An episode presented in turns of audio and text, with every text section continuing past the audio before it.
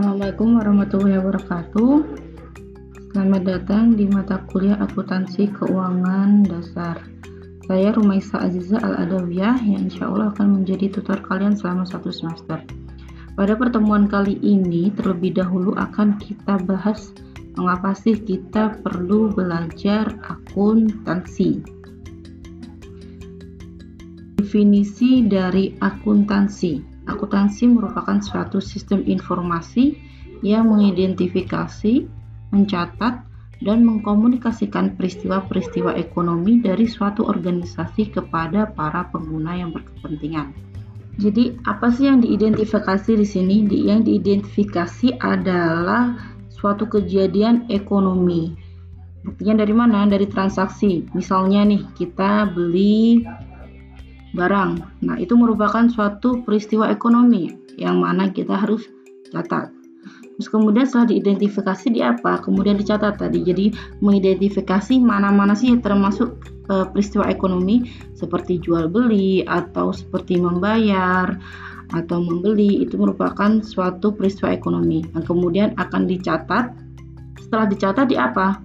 Diklasifikasikan. Jadi sesuai ini kira-kira mana saja transaksi pembelian, mana saja transaksi penjualan, mana saja transaksi pembayaran beban gitu. Itu misalnya kemudian diklasifikasikan dan pada akhirnya nanti akan diringkas. Diringkasnya di mana di akuntansi ini kita akan kenal nanti atau yang kita akan buat nanti pada akhir perkuliahan itu adalah membuat laporan keuangan. Jadi dari peristiwa-peristiwa ekonomi yang sudah kita catat, kemudian kita klasifikasikan, kemudian kita summarize menjadi laporan keuangan. Nah, laporan keuangan inilah nanti yang kemudian akan kita komunikasikan bagi para pemangku kepentingan atau bisa buat kita sendiri, bisa juga buat kita sendiri. Misalnya nih kita, jadi akuntansi ini bisa kita gunakan dalam kehidupan sehari-hari juga gitu. Untuk mengetahui satu periode itu kita bagaimana sih kondisi keuangan kita. Nah, itu Ya, nah inilah merupakan cakupan dari akuntansi. Setelah memahami definisi akuntansi sendiri tadi, lalu mungkin timbul pertanyaan, berarti akuntansi ini hanya untuk perusahaan ya? Gitu. Nah, bukan. Jadi akun, fungsi akuntansi ini bukan hanya bisa dirasakan oleh para pemilik perusahaan besar atau para perusahaan korporat-korporat yang dia me, apa nama, yang dia menerbitkan Eh, menerbitkan saham di pasar modal itu bukan saja bukan terbatas pada perusahaan besar saja. Bahkan sampai level terkecil seperti keluarga pun bisa menikmati manfaat akuntansi. Di kenapa mengapa sekarang itu banyak nih akuntansi untuk keluarga atau bahkan akuntansi kalau bagi kalian para mahasiswa nih akuntansi untuk anak kos-kosan atau untuk para mahasiswa itu sangat-sangat bisa digunakan gitu. Akuntansi bukan sekedar perkara pencatatan atau penjunalan, tetapi juga bisa digunakan untuk melacak transaksi yang mungkin akan menjelaskan suatu kejadian dan bisa jadi mencerminkan suatu kondisi. Kemudian manfaat apa saja sih yang didapatkan ketika kita mempelajari akuntansi? Yang pertama, catatan status dan kondisi keuangan. Jadi manfaat mempelajari akuntansi yang pertama itu yaitu laporan keuangan adalah yang mana itu terrefleksi dari laporan keuangan. Jadi setelah kita mencatat atau mengidentifikasikan peristiwa ekonomi selama suatu periode dan kemudian mensummarize dalam laporan keuangan, nah laporan ini itulah yang akan memperlihatkan kinerja uh, perusahaan atau kinerja kita dari operasional yang dijalankan sesuai bidangnya masing-masing. Jadi kita yang mempelajari akuntansi pasti akan bisa membaca mana yang merupakan aset, kewajiban maupun ekuitas perusahaan. Selain itu, eh, kita juga pasti bisa membaca kondisi dan kinerja perusahaan dari angka-angka di laporan keuangan. Jadi, misalnya nih kalian para investor saham di pasar modal. Nah, dengan mempelajari akuntansi nih, kalian ketika akan membaca laporan keuangan itu akan dengan mudah mengidentifikasi aset ini untuk apa ya, kewajiban ini maksudnya apa, eh, ekuitas itu maksudnya apa itu salah satu manfaat dari akuntansi, mengetahui catatan status dan kondisi keuangan. Kemudian yang kedua, ini yang mempelajari akuntansi kita tahu atau bisa menentukan bagaimana tingkat resiko. Utamanya misalnya di suatu perusahaan eh, dengan dengan dengan mempelajari akuntansi kita jadi tahu kondisi keuangan suatu perusahaan.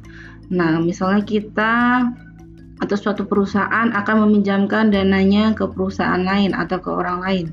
Nah, itu cara menilainya bagaimana atau cara menilai risikonya bagaimana dengan melihat laporan keuangan yang mereka miliki.